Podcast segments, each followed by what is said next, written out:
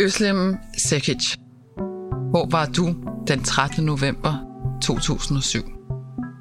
Jeg var mange steder. Først startede jeg med at stemme. Om aftenen var der valgfest, som SF holdt, som jeg også skulle være med til. Der findes øjeblikke, der har ændret verden, som vi kender den for altid.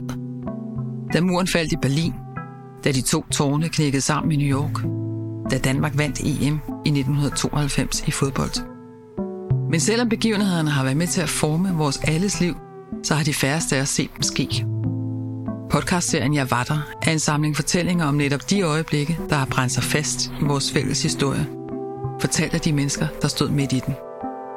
I dag har jeg tidligere politiker, debattør og brobygger Øslem Tjekic i studiet. Hun skrev historie, da hun blev valgt ind i Folketinget som den første kvindelige politiker med indvandrerbaggrund. Det fortæller hun om her. Velkommen til. Hvad var det, der vagte din politiske interesse? Altså, hvorfor tænkte du, at, at det med at komme i Folketinget kunne være noget, du kunne opnå? Det blev vagt jo allerede i børnepsykiatrien, fordi jeg var uddannet sygeplejerske og arbejdede med børn, og jeg var nattevagt. Og i nattevagt har man jo sindssygt meget tid, fordi alle børnene sov. Så jeg læste i deres journaler, og nogle af dem, de havde jo brugt to, tre, fire år på at, øh, at få en behandling. Jeg kan huske, der var en far, som kommer ind bare fra gaden, og det kan man jo ikke i en børnepsykiatri, og, og siger til den her overlæge, hvis I ikke tager hende, så er jeg bange for, at jeg kommer til at slå hende ihjel. Det viser sig, at det her barn er så syg. Så faren går altid med lederjakke, fordi hun bider ham. Lederjakken har så mange huller, vi ikke kan tælle. Og han har altid handsker på, fordi hun bider, og nogle gange bider igennem, og han tager til skadestuen og bliver syet. Og, og, og jeg, jeg synes, det var så uretfærdigt, at de her børn ventede så længe.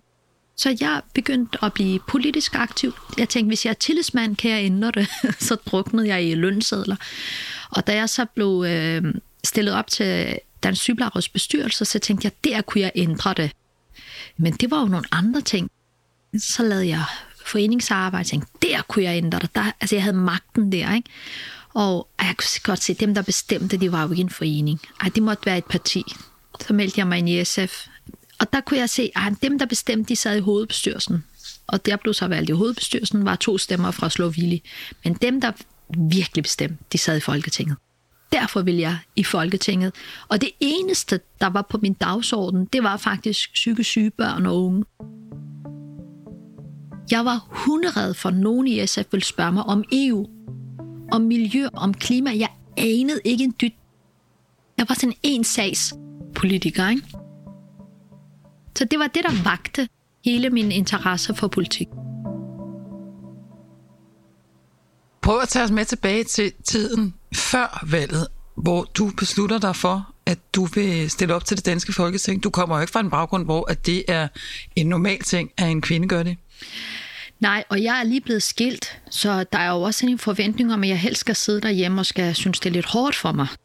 Så da min mors venner spørger, hvordan det går, og jeg fortæller, at det går godt, så laver min mor sådan en scene ud af det.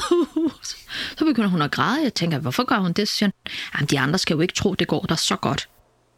Så de fortæller jo ikke nogen, at jeg er folketingskandidat. Det er sådan lidt hemmeligt. Og øh, jeg var i valgkampen ni dage efter, jeg fødte. Det var bare så hårdt, fordi jeg ammede jo i alle gadehjørner og malerbutikker, shawarma-steder, og, og Jasmin var så lille.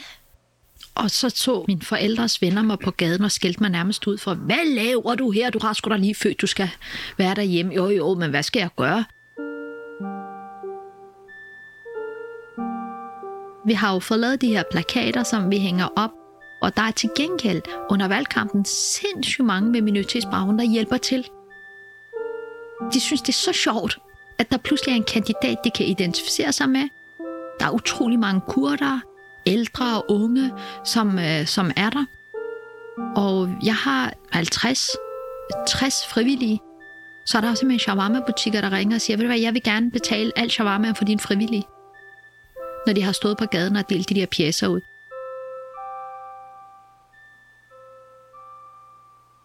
Jeg øh, tænkte, at jeg ville nok komme ind. Det var i hvert fald det, jeg bildte mig selv ind. Fordi da jeg gik til valgaften den 13. november, så skal man ligne en vinder. Det var rådet, jeg fik, fordi dengang, hvor Nasser Carter og Kamal Qureshi bliver valgt, to mænd, første gang, der bliver valgt i Folketinget med minoritetsbaggrund, der gør Nasser det, at Nasser Carter simpelthen uh, taler med alle medier, som om han er valgt. Kamal Qureshi vil hellere være på den sikre side, så han siger ikke noget, før han er sikker. Men efterfølgende er fortællingen jo, at Nasser Carter var den første. Så med det råd i baghovedet, så tænkte jeg, at jeg går til valgaften, som om, at jeg bliver valgt. Og så på et tidspunkt, Jane, så tror man selv på det. så tror man selv på, at det er rigtigt. Og du blev valgt ind som en af to kvinder med anden etnisk baggrund, som de første i det danske folketing. Hvornår vidste du, at du var valgt? Det ved man først et par dage efter, når alle de personlige stemmer er blevet optalt. Og der kan gå 24 timer, der kan gå op til 3 dage. Allerede den øh, 14. November, så sidder man foran computeren, og så får man nærmest en kramper i sin pegefinger, fordi man hele tiden laver opdater, opdater, opdater, og der ikke sker en dyt. Og man har alle mulige folk, man finder ud af, som er valgtilforordnet, som man ringer til konstant for at høre, hvordan går det med afstemningerne. Så er der også nogen, der tager ud på de her afstemningssteder, og så kan de følge med, men det synes jeg var sådan lige lovligt taberagtigt. Altså. Så, så det gjorde jeg ikke. Så jeg var hjemme. Da vi kommer frem til valgdagen, der havde jeg jo været i valgkamp fire uger, der er så meget i underskud af søvn, og man spiser så dårligt, og man ammer i mellemtiden. Så den dag øh, om aftenen, hvor man ved lige om lidt af valgresultatet på trappen, der falder jeg faktisk i søvn på sofaen. Og jeg kan tydeligt huske, at min mand vækker mig og siger, du blev valgt, du blev valgt. Og så siger jeg, det er rigtig godt, jeg var så træt. Og så sov jeg det første dagen efter, jeg vågner og siger, jeg skal bare lige høre, var det rigtigt, eller var det bare en drøm? Hvordan reagerer dit øh, bagland, dine forældre for eksempel, der ikke har rigtig vil sige, at du var folketingskandidat for eksempel, hvordan reagerer de, da de finder ud af, at du er blevet valgt? Altså, jeg kan huske, min mor og far ringer på et tidspunkt. De taler så meget i munden på hinanden, så jeg forstår ikke, hvad de siger.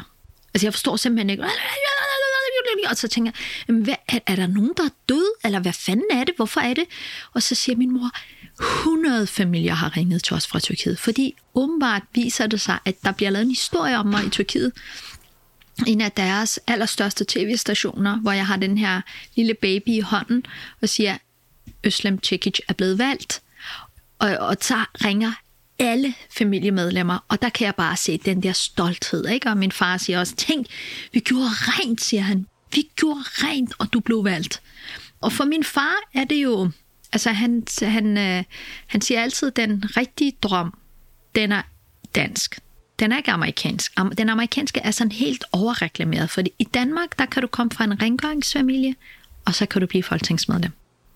Og det var så fint, og jeg kan huske, øh, da jeg så skal ind i Folketinget, så skal man jo skrive under på grundloven, og øh, der har jeg mine forældre med, og min mor har, jeg tror hun har brugt 3-4 dage på at finde ud af, hvad hun skal have på. Altså min mor er jo en helt almindelig traditionel kurdisk kvinde, der er 51 høj, vejer næsten 100 kilo. Livet har været hårdt, der har sat sig alle hendes led. Øh, men det der med, hvad hun skal have på, det er så stort for hende. Og jeg kan huske, da de så kommer, de ligner ingen andres pårørende. Min far har en jakkesæt på en lysegrøn, altså sådan, du ved, til en kurdergrøn nærmest, ikke?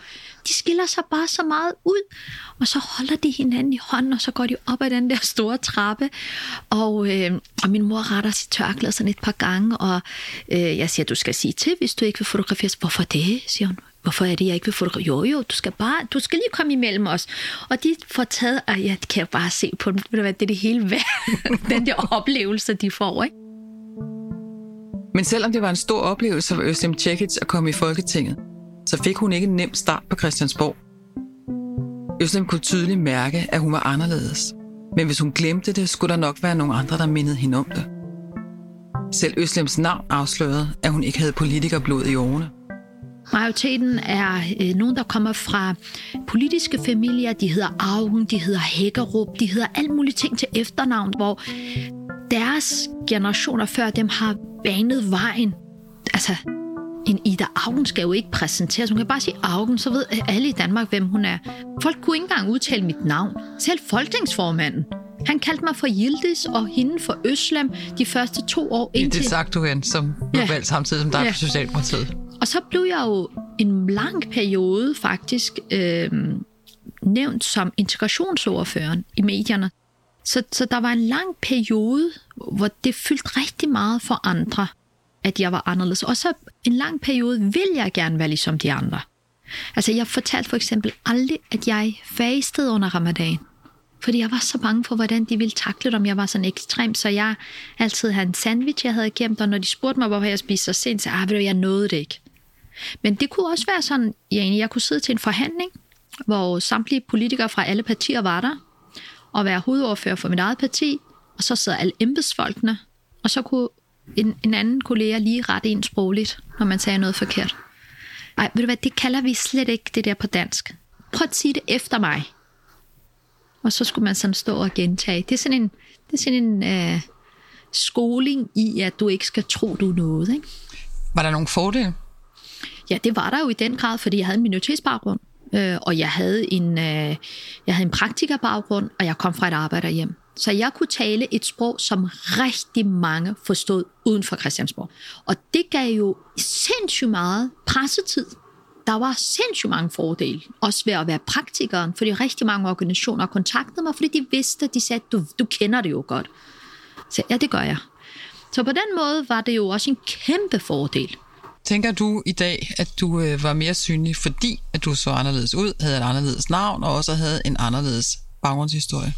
Jeg tror, noget af det var det. Men jeg, jeg ved godt, jeg bor i et land, hvor der er en meget, meget stor jantelov, men øh, det er også fordi, jeg var hammerne dygtig. Jeg var dygtigere end de langt de fleste. Jeg knoklede mere end de fleste.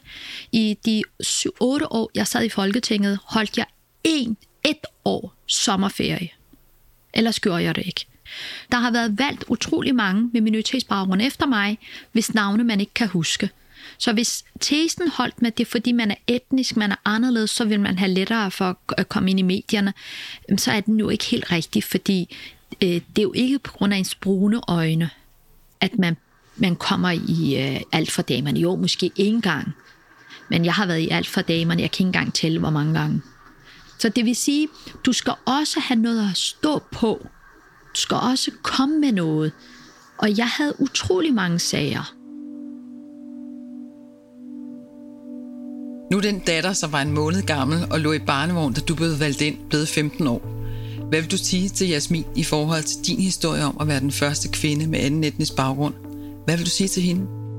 Jeg håber, at hun kigger på min historie og så tænker, hvis mor kunne, så kan jeg vel også.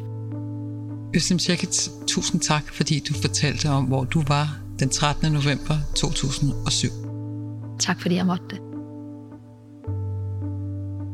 Her fik du Øslem Tjekkits historie. Et livsomvæltende øjeblik i hendes liv, som vi andre heller aldrig glemmer. Jeg var der af en podcastserie produceret af Enigma Museum for Post, Tele og Kommunikation i samarbejde med Heartbeats. Jeg hedder Jane Møllenberg. Tak fordi du lyttede med.